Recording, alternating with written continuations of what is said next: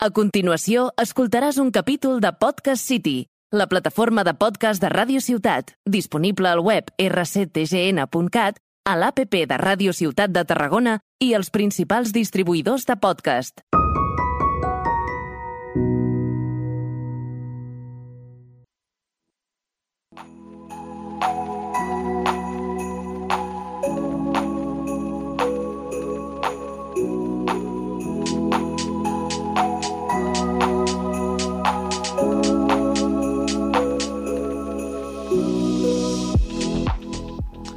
Hola, som la Marta Omella I l'Enric Soler. i estàs escoltant... Eh, un especial d'Any Nou Sí, del, del podcast Crítics Crítics Crònics. Crònics, un podcast on mirem pel·lícules majoritari... maj... majoritàriament dolentes i les critiquem. Exacte, perquè Per què? ens Perquè agrada, sí. per passar l'estona. Exacte. I com que s'acaba l'any, farem com fa Spotify i pensarem de les pel·lícules que hem vist, que Mhm. en el moment de gravar això són 7, Són, no són vuit. Són 7, Una, dos, tres, quatre, cinc, sis, són set, perdó. perdó. M'acabava de cagar. Però aviam, um, pensarem, quin és pitjor i quin és millor? Comencem des de baix? ah, jo, no, jo un comencem des de millor a pitjor, no? Perquè la Jo gràcia del començaria nostre... pel pitjor i és... No, però la gràcia del nostre és parlar de pel·lícules dolentes. La, la pitjor guanya. Ho hauríem d'haver parlat abans, sóc conscient, eh? D'acord, o sigui... Clar, jo començaria per millor i així estàs esperant La a veure quina és la pel·lícules que hem pitjor. vist... Jo he tingut dubtes sobre quina posar, eh? Mhm. D'acord. Ah, jo tinc, jo tinc un rap també, jo tinc una recopilació de moments de la cultura pop perquè tu potser els desconeixes. Si dona temps, sí, però ja ho. Un és el drama de Don't Worry Darling. Sí, això m'ho vas explicar. L'altre és Will Smith als Oscars. Sí? L'altre és Kanye West, punt. Canyo. A veure, òbviament... El primer- nostre propòsit d'any nou és que Kanye West es calli la boca. No, no és un propòsit, és un desig, perdó. Exacte, però... Tant de bo fos un propòsit i depengués de nosaltres, saps? Sí, depèn. si vols, depèn. Si vols, tu també pots fer que Kanye West S'ha calli. calli la boca. Elon Musk Signa. comprant Twitter. Que, que ja el vendrà, no? M'han dit? Ah, va, Bueno, fer una, va fer una enquesta. I la va perdre. I la va perdre. Literalment. Mhm. Judici de v. Heard, o sigui, l'Amber Heard. Sí, me n'havia oblidat. Mhm. Kim Kardashian i el vestit de Marilyn Monroe. Hombre! I final i el més impactant, anava a dir el meu favorit, però no. La reina morint. rip. Rip, rip. Rest in peace. Hòstia, a veure, jo crec que em quedo, no sé... Quin és el teu preferit? El meu preferit. Personalment, el meu preferit. Um, uh, n'hi havia un... Digue'm els del mig. Després de Kanye West, quin anava? Elon Musk. És aquest. Elon Musk? És aquest, vull dir... Algú que es feia tant el, el màquina pel Twitter, precisament perquè, jaja, que guai que sóc pel Twitter, com vacilo, no sé què, i ara, pam, se'l mengen patates. Sí. És justícia poètica. Jo diré, per respecte a la reina morint, eh, Don't Worry Darling. Però el més impactant va ser la sí, reina això sí, vull dir, morint. s'ha acabat una era. Mhm. Ara sí, ja anem amb les pel·lícules. D'acord, per tu quina és la millor de les Vale, pel·lícules? qui, fem en plan jo la pitjor... Sí, no? Fem jo el meu número 7, O ho tu el teu número comú. 7. Jo faria un a un. O Sí, sigui, com jo diria, la meva última... O sigui, teva la, meva millor, és millor aquesta, i pel·lícula. tu després dius la teva. Ho fem És així? a dir, de totes les pel·lícules que hem vist, quina ens ha semblat la menys pitjor? la més tolerable, la diguem, no? D'acord. Vale, per mi, la més tolerable és just la més recent, Cambio de Princesa. Havia pensat posar-la, m'ho he pensat, però per mi... No. La més tolerable és... Redoble. Blond. Blanc. Oh my god. Sé que és polèmic, és que jo encara he de fer la deconstrucció aquesta de que deixi No, de no. ser una red flag que m'agradi, però Ai, encara se'n recorda, pobret. Ho vaig A dir no. a l'episodi i encara se'n recorda. dir, el missatge i tal em sembla bo, el missatge i tal. Òbviament la polèmica d'aprofitar-se de Mary Monroe dius calia, També t'he dit, jo no Però l'he és- ficat. O sigui... és rellevant, per tu no està ni, a, ni tan sols a dalt, no? No, no, però tampoc és pel tema polèmic i merdes, eh? Jo simplement és que se m'ha fer pesada com una mala cosa. Sí. Jo, jo, tu ja saps que jo sóc superficial amb aquestes coses. Si és llarga No. i és pesada, ja no En m'interessa. aquest aspecte tens raó, a mi també se'm va fer llarga, però clar, com a pel·lícula... El que tu has...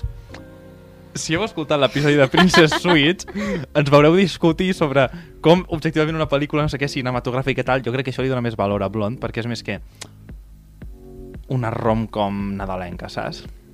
Bueno, vale. Vol ser algo més... Agree to disagree. agree to disagree.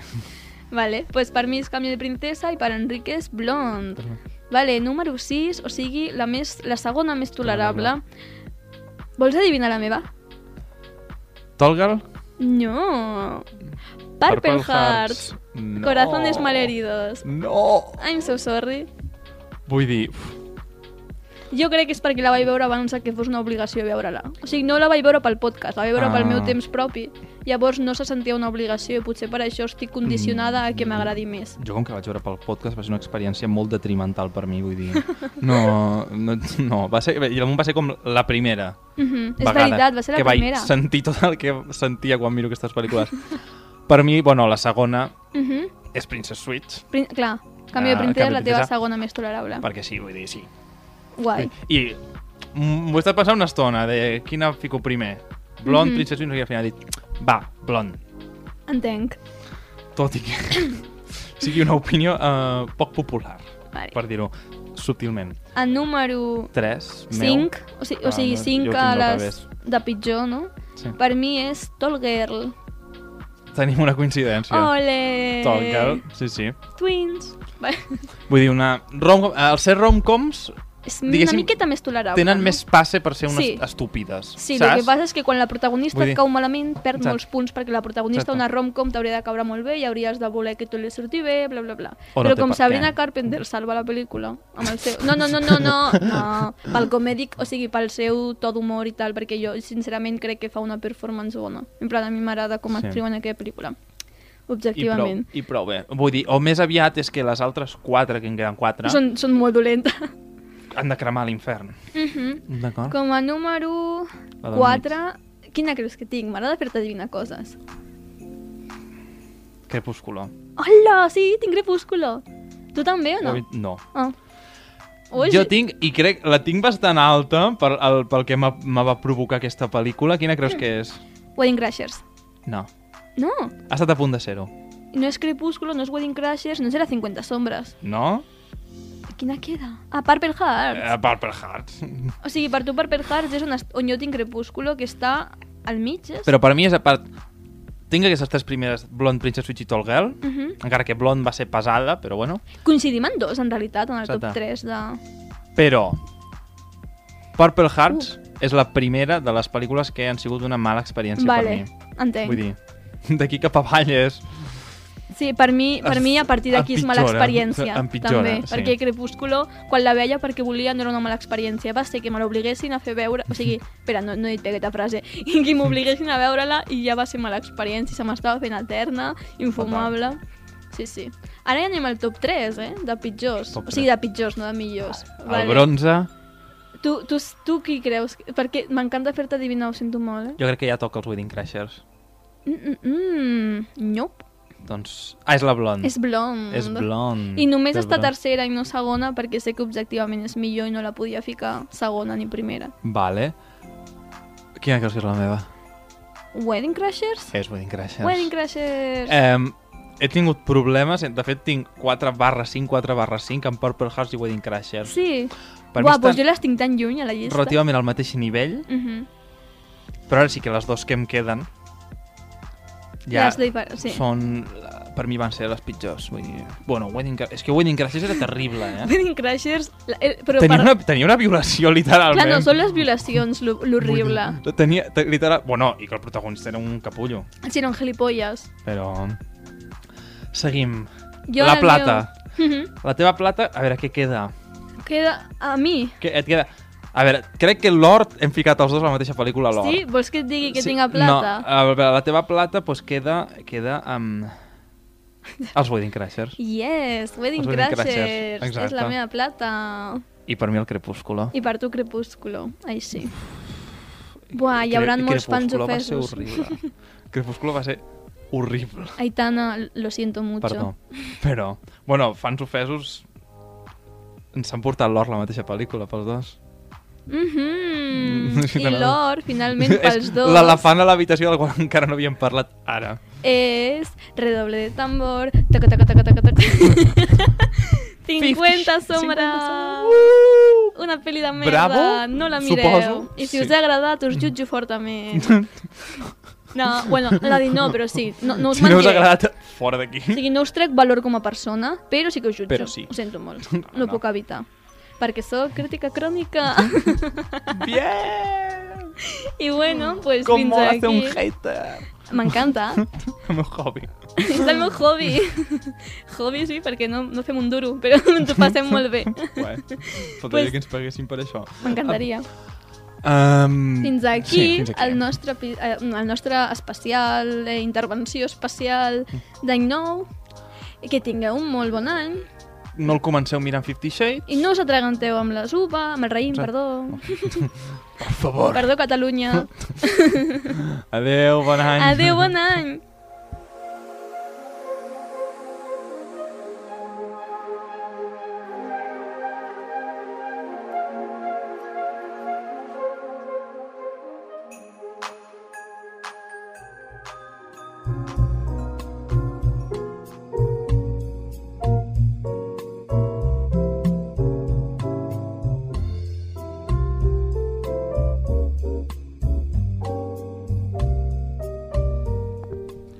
Hola a tots i a totes i bon any nou 2023. Eh, nosaltres som Delirium, jo sóc el Magí, m'acompanyen com sempre. el Robert i el Marc. Bé, començo llançant eh, temes així a l'aire perquè... Què, què en penseu? Tema campanades, tema raïm i tema tot. Comencem amb els quartos. Els típics quartos que hi ha gent que no aconsegueix mai arribar a la conclusió de que als quartos no has de menjar el gra que toca de raïm. Us ha passat algun cop? Mm, no perquè sempre ho diuen, però estan fets per liar. Tots sabem que això està fet per liar, per Sí. liar la gent. Sí, totalment d'acord. I si a Espanya som 45 milions de persones, jo crec que... 5 mi- milions Sí, 5 milions o més, jo crec que s'equivoquen. Sí. Sí, sí, 5 milions sí. O et És deixes veritat. de menjar una. Com que deixes de Doncs que prepares el raïm, tu poses on, eh, 11 en comptes de 12, i clar, arriba a la 12 i, i ja s'ha acabat. Però vosaltres sou capaços de menjar-vos les 12 al ritme de les campanes? Jo no. Sí. Sempre me'n queden. No... Jo no, jo sóc fugat. Sí, jo no sí, jo soc una bèstia. No sopo quedat fatal. per poder menjar ràpid els raïms. Sí, no, no, jo, jo sí, eh? jo sóc un toro amb aquest tema. I què sopes el dia de cap d'any? També sushi o sí, alguna més? la no. verdad és que sí. En sèrio? Sí, No, no, perquè que no té res dolent, però- plan, No és sushi, és com mariscos i tal, amb uh, salsa rosa, això, amanides, Vale, vale, musclos, petxines, cargols, cargols de mar, Vale, vale, ja està, ja està. No cal seguir amb la llista. Sí, langostino... Menys al mar directament. Aigua. platja, sí. Eh, a partir de quina data comenceu a assumir que ja estem en any nou? A partir de quin dia dius, vale, hòstia, hem canviat d'any? el març. El març. El març és quan dius... No et diré que no. Jo no, potser- sí, sí. Alguna confusió veritat, fins eh? al març... Al març ja dius, vale, ja no me torno a equivocar Jo més. potser ma- madura un mes després. El gener caus fàcil. El Penses gener que estem a l'any anterior, sí. El gener sí. El febrer ja Al és febrer- de transició. Jo al febrer ja estic. Lo de posar la data a l'examen 22 de l'1 del 22. Jo és que no poso la data, la veritat. Així no això resta, eh? Que va. Que queda restar. jo poso el nom i ja està. I el dia de cap d'any per la nit, eh, seguiu la tradició que diu que s'ha de portar roba interior vermella o us la passeu per...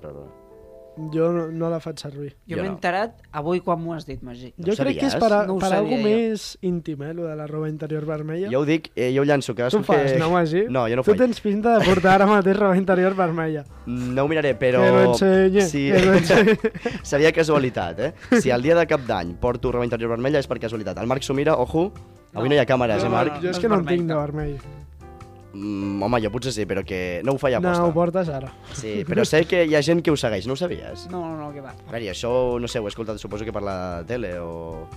Bueno, pues res, ho deixem així, he quedat jo ara com un pervertit. I si, I si no em porto, què? També, em pots no portar, no? Eh, és bona aquesta, eh? Parlem ara de la moda de posar-te sota la taula quan estan sonant les campanes tan... tan... Que... Què Que opineu? és, que és per tenir parella l'any següent, no en teoria? Era per això? Sí, és per Eh, això. ah. Jo ho tinc, jo tinc que... Bueno, a veure, jo, jo, jo crec que és en general, eh? No només per tenir parells, per, per tenir un bon any en general. I després et surt a TikTok. Em vaig posar Sí. a sota la taula i ara tinc nòvio. Deu ser per Anda, això, o no? anda. Jo no, jo amb el que porto d'any m'ha anat prou bé i no, no vaig haver de ficar-me sota la taula, gràcies I a aquest any ho faràs, jo no ho faré, tu ho faràs. Jo, eh, seguint la línia de l'any passat, espero que no. Però bueno, hòstia, igual, És que... igual sí, ja ho veuré. És que amb tota la meva família allí, jo sota la taula seria una mica raro, no creus? Sí, seria incòmode, jo també ho penso, Sí, jo no ho faig per això. sí. Clar. Bueno, jo no ho Podria faig, semblar una altra cosa, que no volem que sembli. no, jo no ho faig en general, eh? Em sembla una tonteria. I heu fet mai això d'en vez de menjar els 12 grans de raïm, eh, olives, patates, hi ha gent que fuet. Jo això... Uf, Bueno, Fuet, bueno, fuet, fuet és de... és de criminal, jo ho he eh, escoltat, fuet. eh? El fuet te'l menges abans o després, però no... Sí, no. no fas... I tu, Marc, algun cop ho has fet quan eres més petit, Jo, a, potser? veure, a veure, si no t'agrada el raïm, que és comprensible, que suposo que hi ha gent que no, són 12, eh, només. I és una vegada a l'any. Fes un No. esforç. Ves al lavabo després i, i ho vomites tot.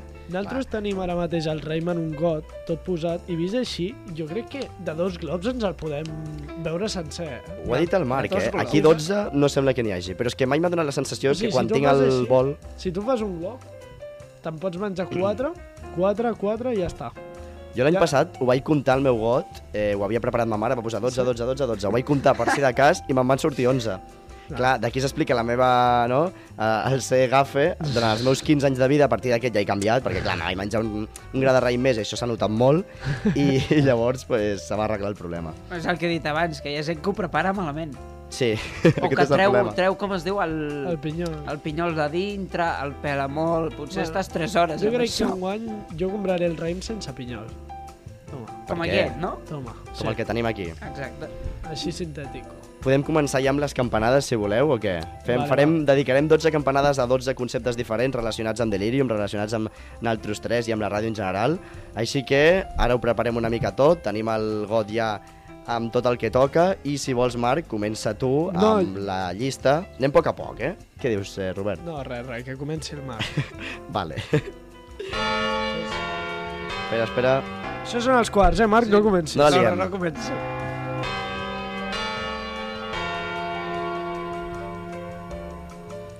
Una campanada per Tarraco Jove.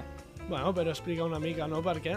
Per què? Doncs perquè jo crec que té un valor sentimental als tres, no? Fins i tot sí. un membre que no està aquí, que... Ojalà que estigués, però, bueno... Deixem el record. Una abraçada, Pol. Bé, passem ja a la segona campanada.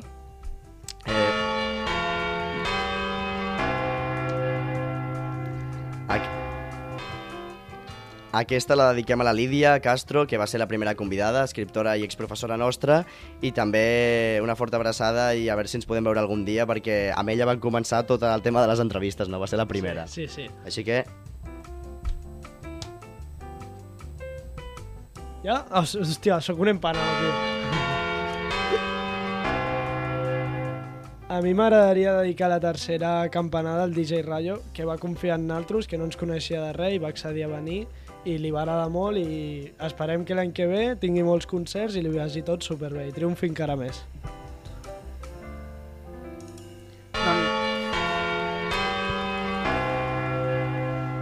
Doncs la següent és per la Mireia, que us recordo que és el, el podcast, eh, bueno, el programa més vist, Sí. el que més ens agradat. ressenyes. i a mi també és el que més m'ha agradat. Molt interessant, per cert. El següent, els timings els porto malament, vale. El següent és pel tiet del Robert, el Robert Tatall, que deu estar content, al final va guanyar el Mundial a Argentina, i que molta sort a la seva vida personal, també a la ràdio i també a la colla dels xiquets de Torredembarra, que li vagi tot molt bé.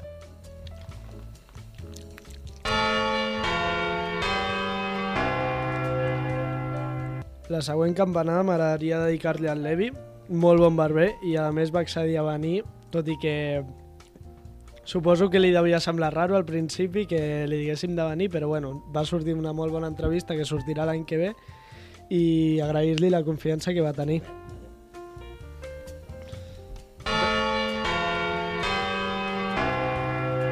Doncs la següent, si et sembla bé, és per tu, Robert. Moltes gràcies, Marc. No? Eh, res més a dir.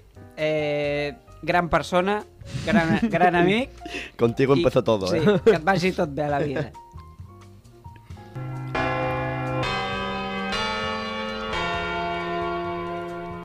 Ui, que m'atraganto, eh? Eh, aquesta l'he portat bé. La següent és per tu, Marc, que tu li has dedicat al Robert, jo te la dedico a tu. Eh, També que et vagi molt bé l'any que ve, que ho passis superbé seguint aquí eh, amb nosaltres eh, al, al podcast i molta salut i... Molta salut. Eh? Molta salut. Molta salut. És l'important. Sí.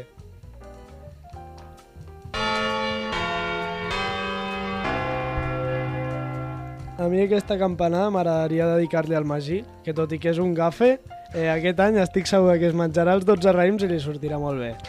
Eh, Agrair-li per, per confiar en mi i als dos per seguir aquí.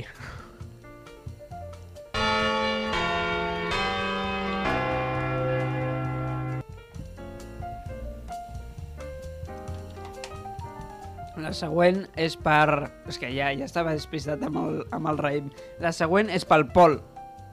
Com he dit abans, antic integrant de Tarraco Jove, que també li desitgem la, la millor de les sorts. I heu de dir alguna més? Bueno, Pel Pol? que, bueno. que moltes gràcies, que contigo empezó todo, ¿no? També, Sí, Pol? sí. Efectivament.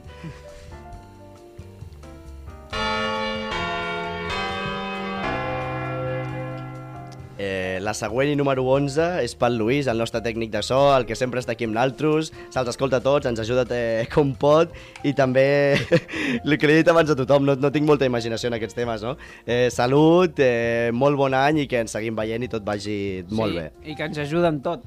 Home, sempre. Sempre que cal, el Lluís està.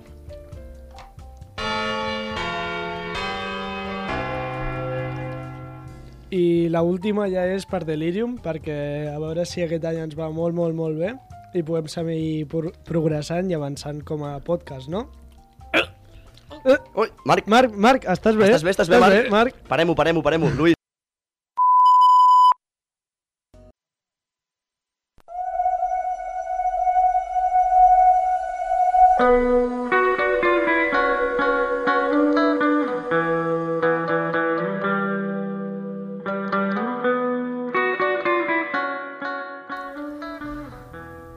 ¿Qué tal, MJ?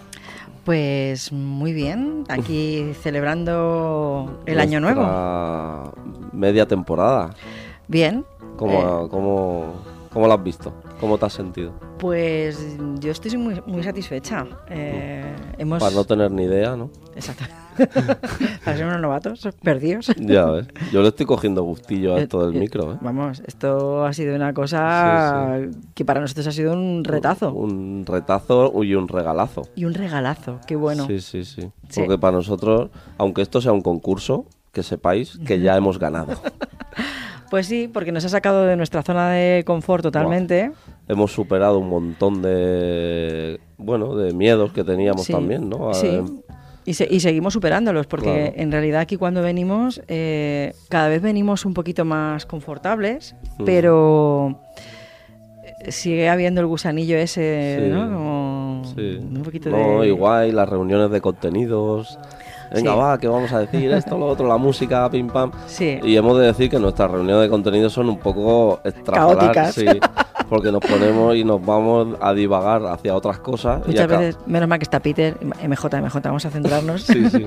porque yo con mi capacidad dispersiva, pues bueno, empezamos a hablar de muchos temas que se podrían ser colaterales, pero hay que centrarse Sí, porque sí, sí, sí. tenemos Y que- luego al escucharte, ¿qué tal? ¿Cómo...? Bien, estoy haciendo las paces conmigo misma. Yo también. Yo, a ver, hoy estoy un poquito con la garganta chunga, que mi Peter. voz tampoco... Pero estás muy bien, Pero bien. ¿eh? Sí, sí, sí. Y, y la voz que siempre nos criticamos, el tema Sí. de la voz y todo eso. Cuando te oyes dices, hostia, vaya voz más rara. Sí. Pero estamos haciendo las paces, ¿eh? Es otro reto superado sí, también. O sea, hemos dado el paso de 0 a 100 de decir, empezar a hablar alguna vez que decíamos, oye, pues esto podríamos hablar un podcast tal y Sí. cual. Y pam, de repente se encendió la bombilla de Radio Ciudad y Podcast City y Fue como una señal del universo. Wow. Y la verdad es que fue muy emocionante, ¿no? Al principio, bueno, al principio y para mí lo sigue siendo. Entonces, el balance es todo positivo, Sí, positivísimo. positivo. Y Aunque cuando te escuchas siempre, hostia, ahora puntualizaría esto, ahora diría lo otro, ¿verdad? Claro, claro. Pero bueno, Bueno, eh, es para, para es mejorar. nuestra opinión del momento. Mañana igual opinamos otra cosa. Exactamente, o igual lo escuchamos dentro de cuatro meses y decimos, oye, pues mira, eh, no estaba tan mal, ¿no? Sí, sí, aparte la musiquita nos gusta mucho. Sí, si sí. nos habéis escuchado, mm, no sé, le ponemos mucho cariño en la música. Somos dos amantes de la música Totalmente. y también ayuda mucho. ¿eh? Es muy importante. Además, los dos estamos descubriendo música nueva juntos, que está muy Sí. chulo porque a mí me encanta que me inspiren, eh, pues eso, nuevos géneros y, y, pues eso. Es un momento que para, bueno, para nosotros es muy importante. La, la música que estamos poniendo siempre tiene algún sentido eh, dentro del programa. Sí, sí, sí. Y ahora para Año Nuevo, ¿qué propósitos tienes a nivel podcast, por ejemplo? A nivel podcast, pues que cada vez podamos ser más espontáneos, Mm. más nosotros mismos, eh, poder seguir inspirando a otras personas, eh, aportando para que, pues bueno, su, su vida sea cada vez más consciente.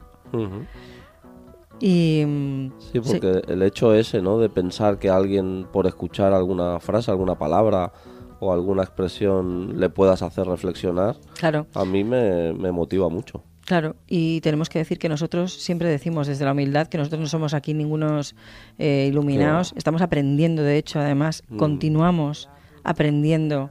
Y uno de nuestras pasiones, como dijimos el día que hablábamos del búscate un amante, es el crecimiento personal. Es decir, Mm. cada día, pues Sí, tampoco intentar evangelizar ni, ni convencer a nadie de nada, porque también hay mucho, hay peligro en esto, ¿no? Esto del Claro. crecimiento personal, cada uno que haga lo que quiera, pero si se puede ser un poquito más consciente de las cosas, pues eso es. Si, si cada vez puedo ser una mejor, una mejor versión de mí mismo, pues eso... Y hablaremos de temas, hablaremos, tendremos episodios que hablen de sexo, de qué más, de dinero. De dinero, teníamos también pensado. Mm. Eh, podemos hablar de educación, podemos hablar de, mm, de Un muchas montón de cosas. temas. O sea que- yo he dicho mi propósito, pero ¿y tu propósito de este año qué?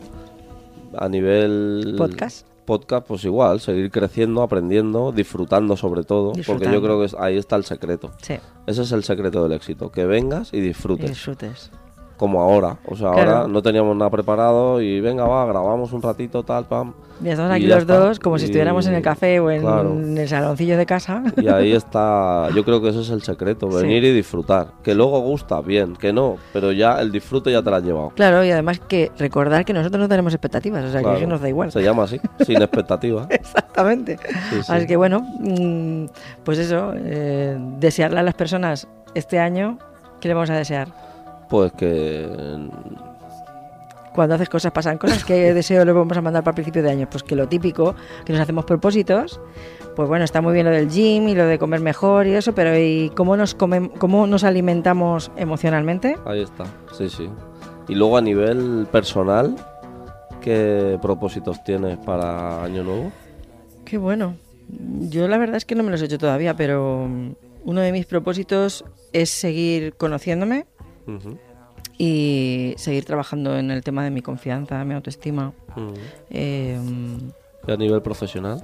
a nivel profesional, bueno, pues seguir, eh, seguir eh, ahí trabajando en mi proyecto también personal, eh, en mi emprendimiento. Pero ante todo seguir eh, dejándome inspirar por historias que veo que me, no sé, dónde me puedan llevar, ¿no? Eh, Escuchar y pues eso, que todo eso me inspire a mi proyecto personal que sigue ahí vivo de emprendimiento. ¿Y, ¿y tú qué? Yo pues a nivel personal, pues igual, seguir viviendo, más que nada. Seguir viviendo. Porque al final es lo que decimos, vivir el momento presente, en cada momento, disfrutarlo y porque sí, que te puedes plantear mucho como tú dices, ¿no? Luego que si el gym, que si tal. Al final el secreto es cuando tú estás bien por dentro, Qué bueno. todo lo demás nace natural. Es Porque que tú cuando estás bien, te apetece hacer deporte, te apetece alimentarte bien, te apetece salir, relacionarte. Sí. O sea, al final... Es que se refleja hasta en la piel, Peter. Sí, sí, de verdad, cuando uno está bien, es que brillas. Sí. De verdad, yo, Yo, tenía, bueno, tengo una amiga que me acuerdo que se, estuvo mucho tiempo soltera. es que cuando has dicho de brillar me ha venido la imagen Ella. que le decía, claro, llevaba tres años sin nada, Sin sin, nada. tener relaciones y tal. Sí. Y al día siguiente que quedó con el chico y tal, la miro y digo, te brilla más el pelo y todo, ¿eh? Pues eso, brillar, O sea, ¿verdad? Ahí está, se nota el brillo cuando... Pues bueno, eh, desear a todas las personas que, que empiecen el año, pues eso, pensando en Sí. su autoconocimiento Sí, y, y que tampoco se preocupen tanto, ni se obsesionen, ni que se relajen y que vivan. Sí, es, de- es- Que a es veces verdad. es todo más sencillo de lo que parece. Qué bueno esto Es que tan sencillo como complicado. O sea que Sí, a veces lo hacemos complicado nosotros. relájate eh, y sientes, si estás triste, pues bueno, y Y sobre todo, centrarse mucho en el presente. Que, Mm. que, mm, yo muchas veces pienso en esa palabra.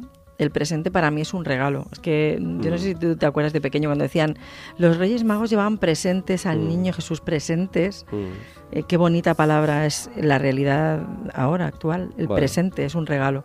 Ujú. Así es que lo disfrutemos, que disfrutemos el presente. y ahí estaremos las, eh, la otra mitad de temporada dando Eso, intentando, pues eso, acompañaros en, Claro. en ratitos. a nivel de audiencia, pues objetivos. eh, Aumentar, vamos, Claro, eh, claro. nosotros los Sí. dos somos competitivos, hemos dicho. Yo con llegar a los 100.000 oyentes me conformo. ¿A partir de cuándo te pagan en YouTube? bueno, pues Pero- nada, eh, desearos eso, un brillante inicio de año y, y que, que- que estéis felices. Ahí está. Un besazo a todos. Feliz 2023. Rising closer to the sun. And I've done things in small doses. So don't think that I'm pushing you away. When you're the one that I've kept closest. Go slow.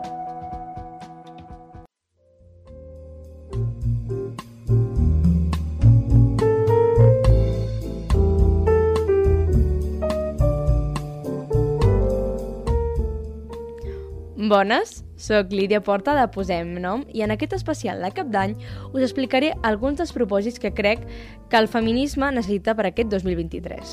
El primer de tot és educar en igualtat i en perspectiva de gènere, tant des de casa com a les escoles. I lligat amb això, vull comentar el tema d'introduir més dones als llibres de text i temari tant escolar com universitari.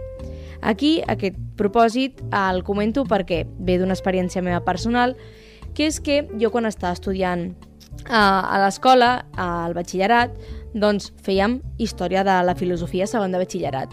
I jo pensava, dic, ostres, dic, estudiaré bastants filòsofs, amb les diferents corrents i tal, i quan vaig mirar doncs, quines eren les persones que estaven a, en l'itinerari, no? Eren tot homes, i jo vaig dir, ostres, mm, que raro, no? Perquè jo, doncs, no sé, he llegit i hi ha, hi ha gent, hi ha Hipàtia, Hannah Arendt, Espàcia, no sé, tota gent que algunes mm, he parlat en el, en, el, en el meu programa i doncs això, jo estava, dic, ostres, que raro, no? O sigui, no hi ha hagut filòsofes a la història i jo sé que sí, no?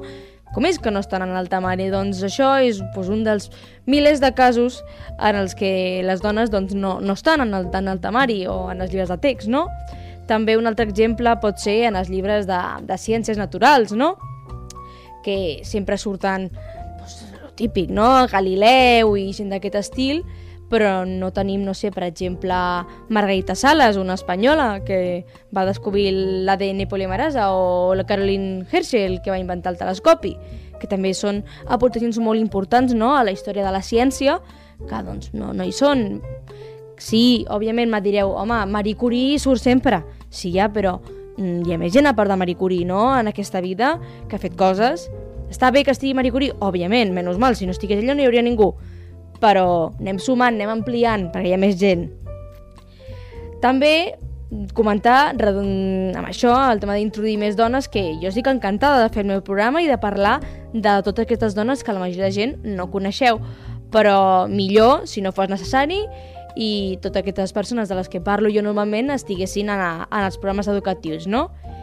I aquí comentar una cosa positiva sobre mm, l'educació en general i és que sí que, per exemple, en una assignatura de l'any passat que jo estava estudiant a la Universitat Rovira Virgili, que és Corrents Contemporanis de la Comunicació, allà doncs, vam tindre la sort de que les professores eren tres dones i en el temari ens van introduint directores, actrius i gent de tot aquest món de la comunicació, dones, menys mal, primera vegada en molt de temps que en el temari introdueixen dones que han fet coses en l'àmbit que estem estudiant, no? Ara tancar una miqueta aquest d'introduir les dones.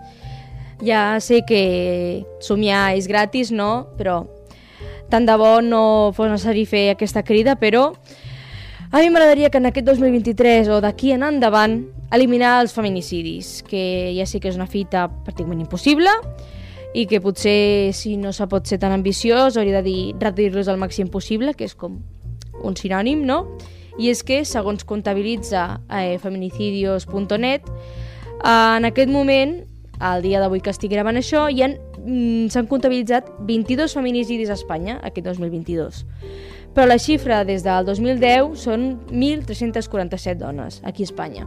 I ja no parlo d'altres països com per exemple Mèxic, en què són milers de dones cada any les que moren eh, en aquest país, no? molts feminicidis, molts problemes. Vull dir, és un problema molt greu de la nostra societat i crec que és molt important mm, fixar-s'hi i intentar doncs, eliminar-ho el màxim possible. No? Després, eh, l'altre propòsit que a mi m'agradaria comentar és una miqueta de dintre, una mica d'autocrítica dintre del feminisme i és que a mi m'agradaria que, que a partir d'ara el feminisme fos més respectuós amb la diversitat dins del moviment. Hi ha moltíssimes dones que tenen moltes perspectives diferents i moltes visions de la vida completament diferents, però com que l'objectiu és el mateix, que és obtenir la igualtat per totes, la gràcia seria que poguéssim anar per una vegada al, a, a una, no? Totes per al mateix objectiu. I pels homes també, una crida. També podeu ser partíceps d'aquest moviment, perquè el patriarcat també us mm, provoca problemes a vosaltres. Llavors, si lluitem tots units, podem fer les coses millor, no? I aquí ja és una mica la meva opinió personal que jo aspiro a que el feminisme sigui interseccional, que doni cabuda a tot tipus de dones i que puguin parlar les que són més afectades per aquest patriarcat, les dones trans, migrants, racialitzades, etc. També relacionat una mica amb aquest tema de la representació no? i de fer parlar les persones que més ho pateixen és vull més representació en els àmbits de la societat, ja sigui mitjans de comunicació, en la política, en la ciència, en l'art. Hi ha moltes dones vàlides, superimportants, que valen moltíssim la pena i no estan visibilitzades. Se li ha de donar veu, és superimportant. Perquè això, aquestes persones obren camí perquè gent, la gent que va al darrere continuï i vegi que hi ha persones que, que, que ho poden fer i que és possible. Per exemple, Alexia Putelles és una persona que obre camí, que li han donat dos pilotes d'or. I això, vull dir, obre el camí a que les nenes puguin dir, pues sí, pues, puc ser futbolista i dedicar-m'hi en, en ànima, dedicar-m'hi professionalment, no, eh, pot ser més que un hobby, no? Moltes aspiracions que tu li preguntes a un nen petit, tu què vols ser de gran?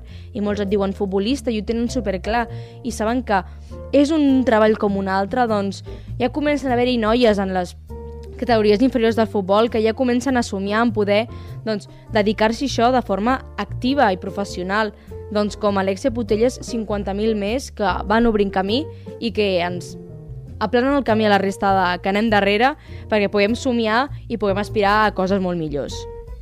I aquí el meu punt final, i és superimportant, i és garantir l'autonomia sobre el cos, la salut i els drets reproductius de les dones.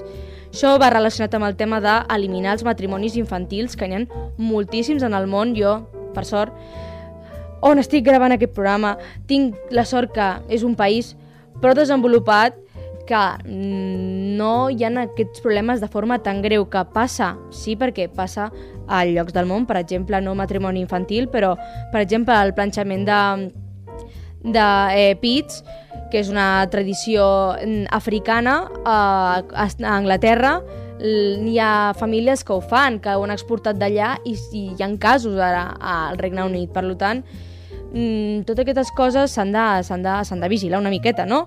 També la falta d'accés a mètodes anticonceptius. Hi ha moltes persones que hi voldrien accedir-hi i no tenen aquest accés. És molt important que una dona pugui decidir sobre el seu cos si vol o no vol tindre fills. Super important. També, relacionat amb això, del tema del cos i els drets reproductius, Una miqueta de por, una mica de por no fa això de restriccions en les lleis de l'avortament. Exemple clar i més famós i més sonat últim és el de la Cort Suprema dels Estats Units que doncs, ha revocat la seva pròpia sentència del 1973, la coneguda com Roe and Wade, que ha sonat moltíssim per tot arreu, no? que era un precedent legal que garantia el dret a interrompir voluntàriament l'embaràs a nivell federal. Ara ja cada estat decidirà si mm, aquesta llei la protegeix o no la protegeix, la llei de l'avortament, i ja s'ha demostrat que a diversos estats dels Estats Units hi ha hagut certes restriccions, han, no l'han eliminat, però han posat moltes traves a que les dones i les nenes puguin avortar en el cas de que ho necessitin. Jo aquí ja sé que és un tema molt controvert, el tema de mm, l'avortament, però aquí ja parlo jo com a opinió personal, Lídia Porta, crec que que tu tinguis dret a poder avortar no significa que ho hagis de fer servir. O sigui, mm, tindre aquesta llei o protegir l'avortament no significa que l'hagis de fer, sinó que si et veus en l'extrema necessitat de fer-ho servir, que et sigui possible i que no moris pel camí, com a alguns països en què és totalment il·legal i les dones ho continuen fent. Aquest és el problema, que si una cosa és il·legal i se continua fent, potser l'objectiu no serà legalitzar-ho perquè se pugui fer de forma segura, la gent que ho necessiti o ho vulgui fer, doncs tindrà aquesta la possibilitat de fer-ho. Però aquí ja potser aquí entro ja en problemes i en ideologies més doncs, perquè gusto, pel gusto los colors i cadascú doncs, té la seva opinió i és totalment respectable però jo crec que, que és un punt molt important no? i jo diria que mm, hi ha moltíssims, moltíssims, moltíssims més propòsits que podríem estar parlant moltíssima estona però jo crec que aquests són com els més bàsics i els que espero que l'any que ve o d'aquí dos o tres anys o cinc, com menys temps millor, la veritat, que pugui dir que són els propòsits que s'han aconseguit, que no fa falta reivindicar aquestes coses i que ja comencem a tindre societats més igualitàries i més justes.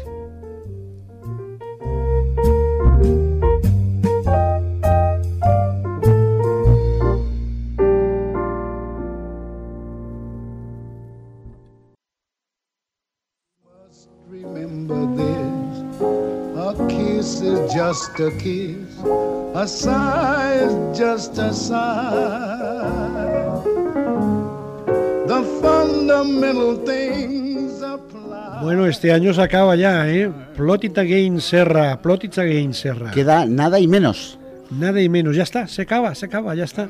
Estamos en la cuenta atrás directamente. La cuestión principal ya de- la hemos dejado muy atrás y estamos ya prácticamente en el clímax del desarrollo. Bueno, sí, pero año nuevo, nuevos comienzos. Sí, nuevos Nuevos comienzos. propósitos, ¿no? Sí, sí. Iremos al gimnasio. Calla, hombre, calla. Iremos al cine. Iremos al cine, hay que ir al cine. Yo hablo mucho de plataformas, pero que sepa la gente que yo cada semana me dejo caer por las salas audiovisuales y me pongo a deglutir cine como si no hubiera un mañana, en la medida de lo posible, porque realmente las economías son lo que son. Bueno, hermano, ¿qué te parece la liada de haber empezado un podcast? Pues oye, mm, Ódiame, venga, va, di la verdad. di Medio la verdad. nuevo, o sea, yo esto de, de, de hablar de la alcachofa es algo, es algo, es algo nuevo para mí, una nueva experiencia. Unos- bueno, siempre me pasa contigo, ¿no? Sí, siempre te llevo por el camino, sí, sí, por, te- por unos caminos que yo creo que... Mira, más que nada estaba pensando que teníamos que hacer un poco de catarsis porque la verdad es que siempre te saco de- del sueño directamente. Pero eso me lo tienes que decir con cascabeles que estamos en Navidad. Es verdad. Oye, ¿y qué deseas para este año también tú? Bueno, pues yo deseo asentar este formato, deseo que trabajemos juntos en proyectos audiovisuales. Es el, lo hemos empezado, pero por circunstancias nuestros caminos han ido disgregándose porque la vida es una jungla y esto es la supervivencia. Pero a mí me, me ilusiona, me alegra, lo digo desde aquí, y me, me resulta absolutamente maravilloso que estés, creas un sueño y sigas trabajando por él. Bueno, machetazos por la jungla que, de- que comentas, como siempre. Sí, señor. Con muchos proyectos adelante, Iván, que creo que tienen que salir ya. Bueno, están allí en el escaparate y evidentemente no estamos quietos. Ojalá, ojalá podamos contarlo aquí, que las cosas avanzan y que, y que, y que bueno, que la próxima película que podáis ir a ver, pues, pues, oye, pues sea nuestra. Sería maravilloso. Pues sí, si es nuestra ya sería una gozada. De momento cerramos el año Sí. con una muy buena noticia, que es que el cortometraje el crédito del que soy guionista, ya ha reunido las nominaciones suficientes como para eh, ser valorado para los Goya. Muy A ver, es- no es el objetivo, pero es un, son un reconocimiento importante. Después de más de 30 selecciones en, en- en tres meses que llevamos distribuyéndolo y eh, un puñadito de premios, ¿no? No está mal, ¿eh? Sobre todo los premios del público, son los que más me emocionan, la verdad. Es el público el más importante. Yo aquí sí que no tengo ninguna duda. Bueno, es más que nada porque alguien ha ido a verla. Básicamente por eso. Yo recuerdo, la vi en Filmin también, bueno, la he visto un montón de veces, porque yo, digamos que al ser tu hermano tengo ciertas ventajas, pero la verdad es que es algo que me ilusiona sobremanera. Otra cosa, hermano, desde el punto de vista de la formación, ¿qué esperas? Bueno, pues fíjate, eh, estamos en la mitad del año académico con los alumnos de la Escuela de Cine de Reus, que están teniendo, tienen entre manos proyectos maravillosos, y a la vez vamos a empezar una serie de seminarios eh, muy, muy cortitos para, para temas muy específicos, no sé, un taller de terror, taller de generación de pósters de cine, eh, efectos visuales, montaje. Va a ser un año apasionante, sin duda. No paramos. No paramos y además con que a mí me encanta complicar las cosas y esto va a quedar registrado aquí. Luego el año que viene ya re- veremos si se ha cumplido o no se ha cumplido. Mi propuesta es que de este podcast acabemos sacando algo online, incluso una página web. Mira lo que te digo. Es mi deseo de Navidad, ¿eh? O sea, Pues mira, de cada año que viene. No me voy a dejar liar de momento y lo que sí voy a hacer es desearle a todos nuestros oyentes, a, lo- a- a los dos, a todos nuestros ya son tres, los vale, posibles, tres. los que vengan, los que se hayan ido, un feliz, una feliz Navidad y sobre todo que este año, esta vuelta al sol, sea apasionante. Pues yo deseo exactamente lo mismo, que descubran muchísimas historias, cientos de ellas, como nosotros hemos descubierto películas maravillosas. Simplemente una, La Maternal, que la vi en el Festival de Cine de, del REC, y que me ha parecido una joyita inmensa. Una película incómoda en grado sumo. Y cuidado, no es una película de guionistas, es una película eh, que va mucho más allá a través de la interpretación y que se ha convertido en mi gran descubrimiento del año. ¿Tú tienes alguna, Iván? Bueno, yo, Smile, me ha parecido Bueno. una muy buena película de terror. Muy bien. me parece que se luce, se luce. Es, es aquello que va sin pretensiones, a pesar de que alguna crítica has oído y que dices, eh, no, no estará mal, no voy, no voy a, no voy al paredón, pero te atrapa. Con una sencillez, una terrorífica sencillez, y eso pues me enamoró. Y bueno, y para acabar de redondear este programa cortito y concreto, la película que yo espero ver este año, ¿sabes cuál es? La última de Indiana Jones. Oh, Le tengo unas ganas. cierto, no, yo también, ¿eh? A ver si enmiendan un poquito eh, el error, ¿no? Calla, calla, calla, no me pongas nervioso que la cosa iba muy No he bien. encontrado a nadie que defienda la última, la La de penúltima las película. calaveras de cristal, ¿no? Sí, no he encontrado a nadie que la defienda. Sí, sí, es que es, es doloroso, ¿eh? porque mira que Spielberg está siempre ahí en lo más alto, pero tengo la intuición, no me digas por qué, de que será un espectáculo maravilloso. Bueno, iremos a verla juntos si quieres. De acuerdo. Bueno, pues nos despedimos aquí. Feliz año nuevo y mucho cine para todos. Moonlight and love songs, never out of date. Hearts full of passion, jealousy and hate. Woman need man,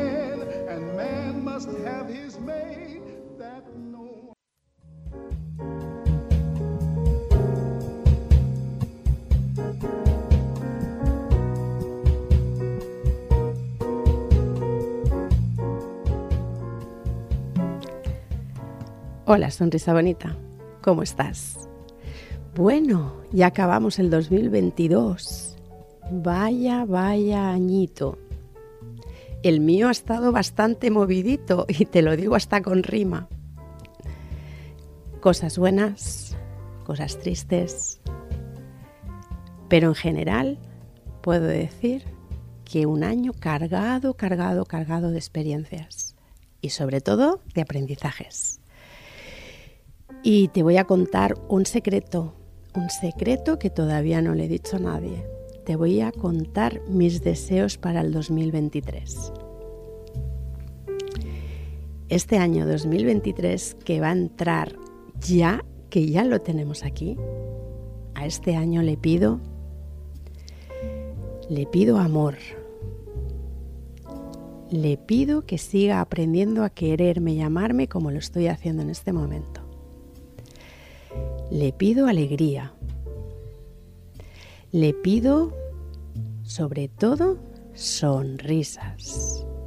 Sonrisas para dar y sobre todo también para recibir. Le pido poder seguir haciendo este podcast y que tenga, tenga mucho éxito y que pueda ayudar a muchas personas. Le pido salud, sobre todo también para mí, para mi familia y para todos. Pido alegría, pero alegría de la buena, alegría la que sale del corazón, la que irradia, la que se expande. Eso es lo que deseo. Y muchas cosas más, pero no voy a seguir aquí diciendo todos mis deseos porque si no, no van a haber deseos para los demás. Así que desde aquí te deseo un 2023 fantástico y decirte que nunca te olvides de sonreír y que el éxito de tu 2023 solamente depende de ti. ¡Feliz 2023!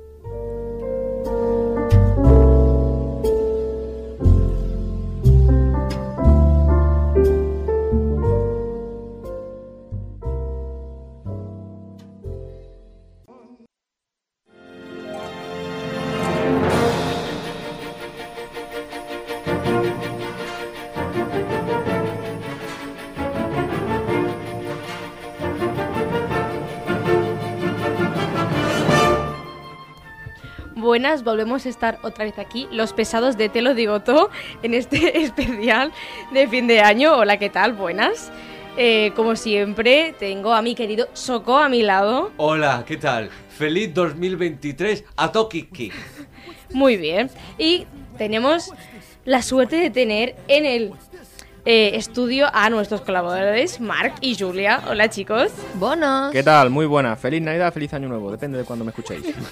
Bueno, y ya que estamos aquí todos, pues vamos a, a dar unos propósitos, ¿no? ¿De qué esperáis del próximo año, de este programa, de la vida, Claro de los que sí. estudios? Los propósitos en España nunca se cumplen. Somos así Sí, nosotros. los españoles somos así por naturaleza. Pues a ver, venga, ¿quién quiere empezar con los propósitos? ¿Quién los tiene más claros? Pito, pito, no sé. Mm, Que empiecen los colaboradores secundarios, ¿no? Mira com ens tiren la merda, Hater, eh? No han pensat ells. Bueno, Vale. pues... Comença tu, si vols. Vale. Eh, propósitos personales. Eh, aprobar economía. Eh, mm, bajar, algún, bajar el turrón de estas navidades, que eso siempre se dice. Y bueno, mantener siempre la salud y, y la felicidad y la esperanza, no sé. Ya está. Eso sería ver todo, creo yo. esperanza. Ui, jo, jo en tinc com més enumerats. Pues vinga. Mira, primer propòsit del Te lo digo tot, que no em carguin fora. Gràcies. Es verdad, es verdad, me he olvidado, es verdad. Segon propòsit, més ja personal, treure'm el carnet de cotxe pràctic. L'any passat era treure'm el carnet de cotxe teòric, l'hem aconseguit, ara el pràctic. Després, què més? Se m'ha anat al cap. Això, molta felicitat i pau a tot el món. Que acabi la guerra d'Ucrània. Sí. També, encara que sigui broma, també. No podem fer gaire res, però bueno, ja està. Després, propòsit, um, deixar de veure tot blanc i negre. Sóc una persona que sóc d'extrems, o tot blanc i tot negre. Per tant, intentar començar a veure que potser... Hi ha tonos grisos. Exacte, hi ha tonos grisos, o sóc una mica daltònica, potser. I és que tinc una llista molt llarga, però ja està, deixem-ho aquí. Si vols continuar... No fa falta. Vale. Venga, Soco. Pues yo, mi propósito es pues a ir al gimnasio, que creo que es un clasicazo de varios españoles. ¿eh? Volver ahí con la pesita, intentar ponerte algo más cacha. Haciendo calistenia, ¿te imaginas? Luego, el otro, pues conseguir algún... ¿Qué? Te lo digo todo, van a fer calistenia. Fitness. Las crismas. No, es que como había acabado la canción. No, y también yo, pues, aparte pues, del tema del deporte, pues también lo típico que es salud, dinero y amor. Pues encontrarme bien, estar bien de salud, que he tenido unas semanas algo un poco fastidiadas. Y bueno, el amor, pues a ver si llaman a mi puerta. Eso también, o llamamos nosotros a la puerta. taula. Ya, ¿qué? Campanades sota la taula. Sí, ah, sí. El remedio casero de Julia. Para saber esto tendréis que ver nuestro especial de Te lo digo todo. De Navidad. Exactamente. Muy bien. Y, ah, y también tengo otro propósito. A ver, Que cuéntanos. es en el 2023 leerme todos los libros pendientes que tengo. De Agatha Christie, ¿verdad? No, no, De cómo ligar. no, y concretamente las- lo- la colección de Planeta de Agostini de nuestra amiga Agatha Christie. Lo que he dicho yo. soy yo! ¡Feliz 2023, queridos y queridas! Aquest, Sí. propòsit, aquest propòsit te'l robo. Sí, también me lo roba usted, señorita. El robo. Sí. Julia, pero qué interés hay en leerse libros de Agatha Christie. ¡Eh! Doncs No te Agatha. Crista... Agatha Christie. Cristo. Agatha Cristal. Tot i que sigui una espaldada de la plan, escrivia Agatha molt bé. Christmas. Agatha Agatha Christmas. Christmas. Eso soy Agatha L'Agatha aquesta. Exacto. Vale, pues ahora yo, ya que estamos, pues yo también eh, leerme los libros que tengo pendientes. Es que la universidad me roba muchísimo la vida y no me Ah, da... eso tendría que ser también un propósito conjunto. Por favor, queridos profesores de universidad, tener un poquito De piedad con consci- de- nosotros. y de conciencia que vosotros habéis tenido en nuestra edad. Vosotros sabéis lo que a vosotros os han tratado mal, pues a nosotros no nos hagáis lo mismo, que lo parece. ¡Eh! Tenemos vida ¡Eh! No social. vamos a decir nombre, por respeto y educación. Que nos ¿eh? conocemos. Bof. Bueno, pues eso, que a mí me gusta muchísimo leer, pero la universidad no me deja leer mis libros. En plan, tengo que aprovechar mm, en verano para leerme 7 o 8 libros en verano, acumularlos todos en verano, porque durante el año me muero. A ver, ¿qué más? Bueno, sí, el topicazo, en ponerse en forma, ir al gym, hacer deporte, lo típico, ¿no? Porque no será que a usted le hace falta. Bueno, mm, ahí cada uno, como se vea, su opinión, si se ve mejor, peor. Pero yo... estoy un poquito. A mí también me vendría bien. Yo un Está poco, estoy, un, estoy usted. un poco en los huesos. Perdone, ¿me está usted imitando? No, no, no, no, para nada. esto lo quiero hacer. Está un poco muerta. de mí, señor Moreno? No, no, no, le pido disculpas. se está. Es que me ha salido así por subconsciente, señora. es lo que hay. que me cae, me va a caer. Ah. Menos mal que yo de momento no lo he insultado. Esperaos. Bueno, pues. Espérate, que yo no he acabado. Ay, vale, perdona. És que és una dona que molts de propòsits, Sí. saps? Claro. Las Eh, mujeres tienen más propósitos que los hombres. Probablement sí. Sí, porque queremos aspirar a cosas mejores en la vida. Exacte. Muy bien, después te Encara comentaré que algo el feminacismo. patriarcat ens pari. Censura, censura. Vale, eh, acabo con mi propósito que es llevarme bien con Javier si Eso llevamos Y con Agatha perfectamente. y con Agatha Christie. tienes problemas con mi amiga Agatha, que es un amor y un cielo de persona. Sí, Pero cielo conmigo- sí. Está el cielo en está. cielo, el cielo está. Pues eso, en plan, llevarme mejor con algunas personas, entre ellas Agatha Christie, a ser posible, porque mm, puede ser que sea eh, una querida amiga en este próximo año y habrá que llevarse bien para poder trabajar juntos, ¿no? sí. Yo le voy a dar una segunda oportunidad. Yo también, señora Agatha. Yo no. Bueno, pero pues después de este momento ya sabemos muy bien qué es lo que quiere cada uno y venga, todos al unísono. A la vez vamos a decir ¿Pero qué quieres que feliz diga? 2023. Ah, vale, digo. Vale, Happy New Year, venga. A la one, a la two, a la one, two, three. ¡Feliz 2023!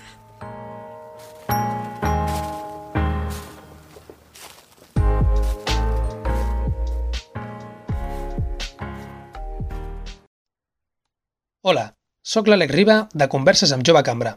Per aquest 2023, des de Jove Cambra volem desenvolupar nous projectes que facin créixer Tarragona en tots els àmbits, sigui l'empresarial, social, internacional, etc.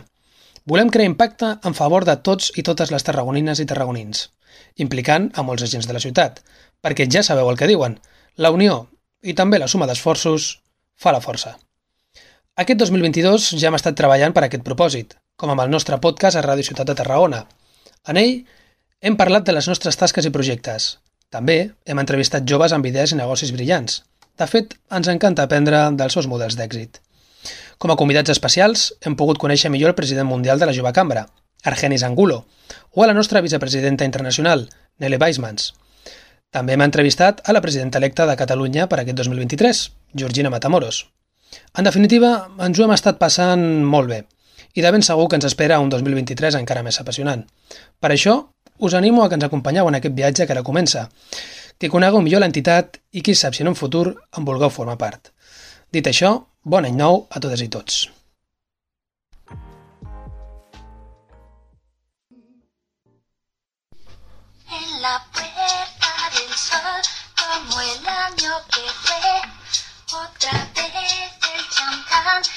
Las uvas y el alquitrán. Mi alfombra están. Los petardos que borran sonidos de ayer y acaloran el ánimo para que ya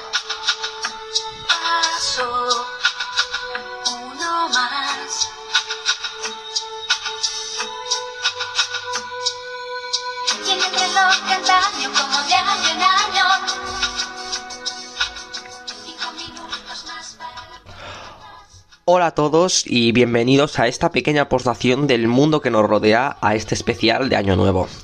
Esta canción que habéis estado escuchando eh, es, la, es una canción de Mecano que se llama Un año más. Es una mitiquísima canción aquí en España que, bueno, se podría decir que es el himno de la Nochevieja porque siempre antes de las campanadas suena esta canción. Esta canción habla sobre la celebración desde la Puerta del Sol de Madrid, donde el gran reloj que hay allí da las 12 campanadas en los últimos segundos del año que despedimos. Otra cosa mitiquísima aquí en España de las, de, de las campanadas son acompañarlas con 12 uvas, una por cada campanada. También siempre hay alguien que no le gustan las uvas y lo cambia por otra cosa, sobre todo los niños pequeños que, bueno, lo hacen con lacasitos, con chuches, un poquito con lo que, con lo que puedan, lo que sea fácil para ellos. ¿eh? Mucha gente dice que esto da mala suerte, que hay que hacerlo con uvas, si no, el año que viene no tendrás buena suerte, pero bueno, cada uno y cada- hablábamos de que cada uno, pues como lo celebra a su manera, lo celebra de la manera que quiere, igual que en, en Navidad. Y bueno, pues en general, cada uno, pues como todo, lo hace a su manera. Este 2022 a mí se me ha pasado volando. Cuando se acaban las fiestas después de Reyes, siempre pues te entra un poquito de bajón, ¿no? No sé si a vosotros, pero bueno, porque vuelves a la rutina y bueno, y eso a veces pues puede llegar a, a aburrir un poco, ¿no? Pero bueno, una vez te acostumbras y vas tirando para adelante, es eso, el tiempo se pasa volando. Pues mira, en este bajón de enero que decía, Buah, ahora hasta las próximas navidades, pues bueno, pues eso, que ya están aquí, ya están aquí las fiestas, ya se está aquí acabando el año.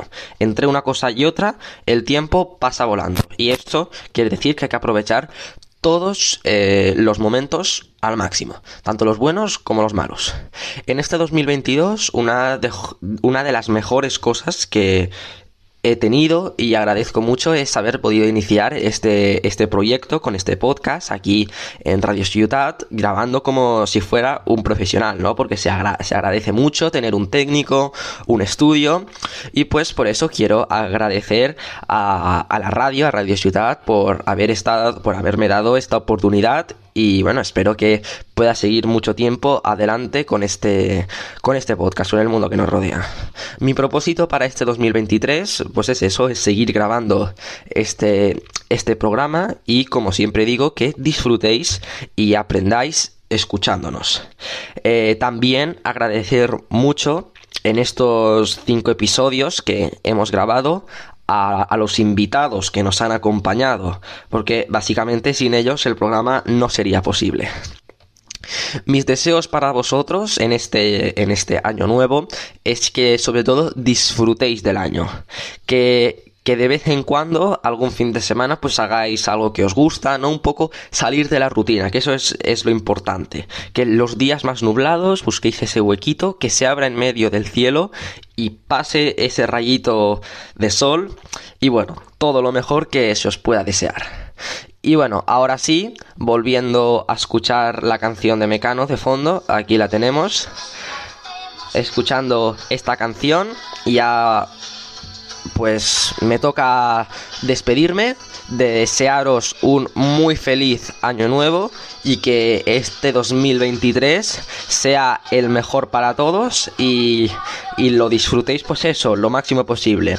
Entonces, mm, muchísimas gracias por escucharnos y nos vemos en el próximo episodio del Mundo que nos rodea, que ya será en el 2023. Feliz año nuevo a todos.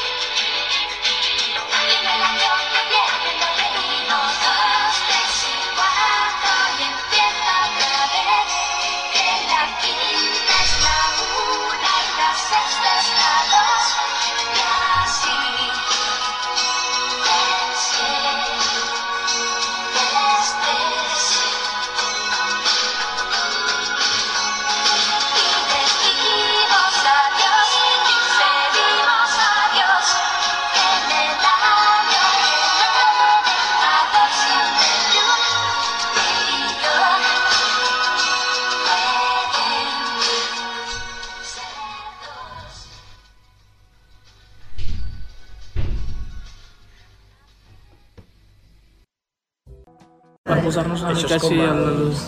Fora del teatre, que és... Sí, sí. A veure, escolteu. Sí. Sí, digues. El Lluís ens ha dit que hem de fer un propòsit pel 2023. Bueno, primer haurem de dir, haurem de dir no, que som els membres del Piscolabis, el podcast del Culturs Culturals, que som eh, la Guiomar, la Maria, La Rosa, avui sense delay.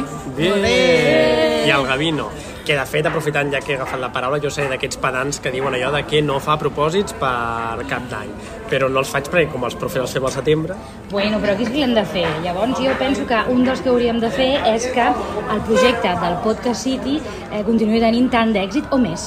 Bueno, però Podcast City ja té molt d'èxit, dona. Sí, jo tinc un propòsit que, ja, que és que almenys l'any que ve la gent vagi un cop al teatre. home, això és poc, eh? Bueno, i, i és molt concret, no, això?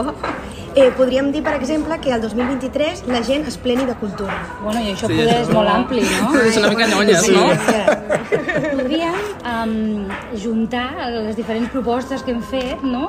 I seria com que la gent aposti per la cultura i comprin entrades per anar al teatre. I com que de camí al teatre, que estan a Barcelona, tindran molt de temps, han de conèixer el projecte del Podcast City i, en concret, escoltar el podcast del Piscolabis. Ah, doncs ara sí ja ho tenim, això, eh? Doncs vinga, brindem o alguna no? En plan, bon any... Bon any nou! Bon any nou, bon 2023.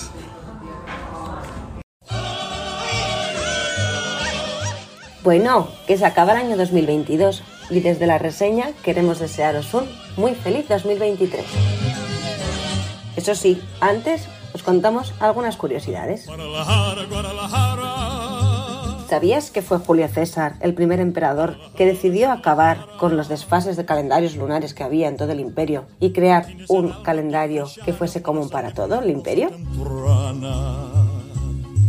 Eso fue en el año 46 a.C., que crearía lo que se conoce como el calendario juliano.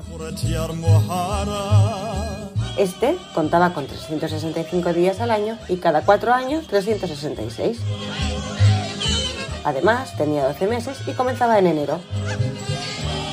En 1582, un tal el Papa Gregorio XIII, vaya número, mal número si no crece, sustituyó el calendario juliano por lo que conocemos hoy como el calendario gregoriano. Es el calendario que casi casi se ve en todo el mundo, ¿vale? Lo que pasa que este calendario tiene un desfase de aproximadamente un minuto al año. Así que esto significa que cada 3.320 años hay que añadir un día al año. Me voy a poner una alarma en el iPhone por si se me olvida.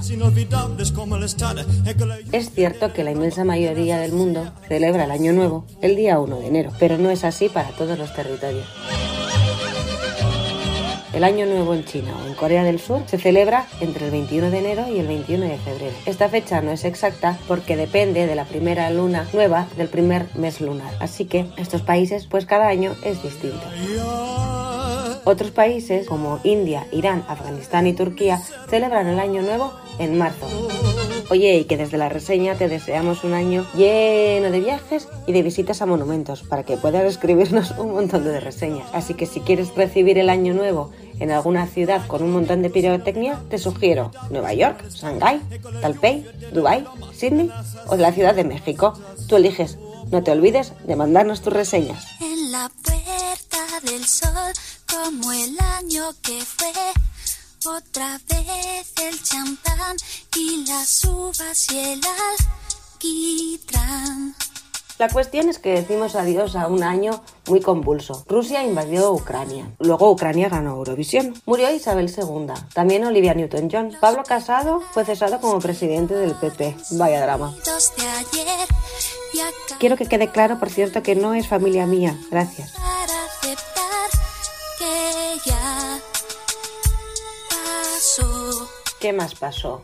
Pues que nosotros empezamos nuestro podcast. Queremos agradeceros muchísimo vuestra fidelidad a la hora de escucharnos. Hemos estado durante un montón de tiempo primeros en la lista de reproducciones. Eso sí que es una buena noticia. Esperemos que en el 2023 sigamos así de bien. Si no, tendremos un problema.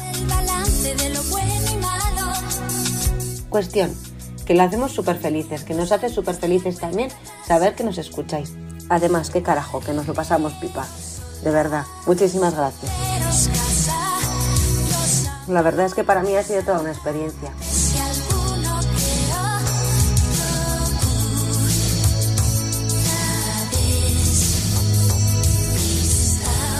Pues nada, lo dicho, que empecemos bien, que no se nos atraganten las uvas. Ay, por cierto, no os he contado.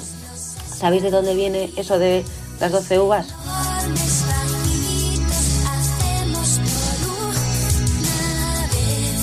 Pues parece ser que hay distintas teorías. Cuestión, resumiendo. Resulta que eh, la clase trabajadora quiso burlarse de la burguesía porque imitaban a los franceses tomando uvas y bebiendo champán y empezaron a comer uvas. A esto le sigue que, según parece, en 1909 hubo una cosecha excepcional de uvas y los productores de uvas, con tal de venderlas, dijeron que eran el producto de la buena suerte. Así que nada. El resto, como borregos, a comprarlas. Y desde entonces hasta ahora, bueno, menos yo, que a mí no me cabe tanta uva en la boca y además me atraganto y como lacasitos.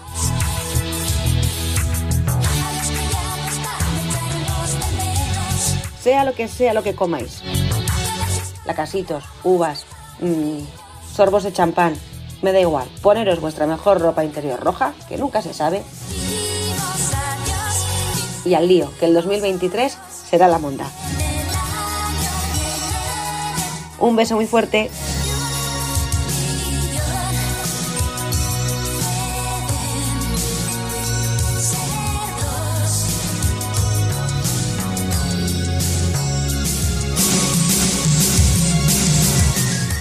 La reseña, el podcast de historia que te cuida y te enseña.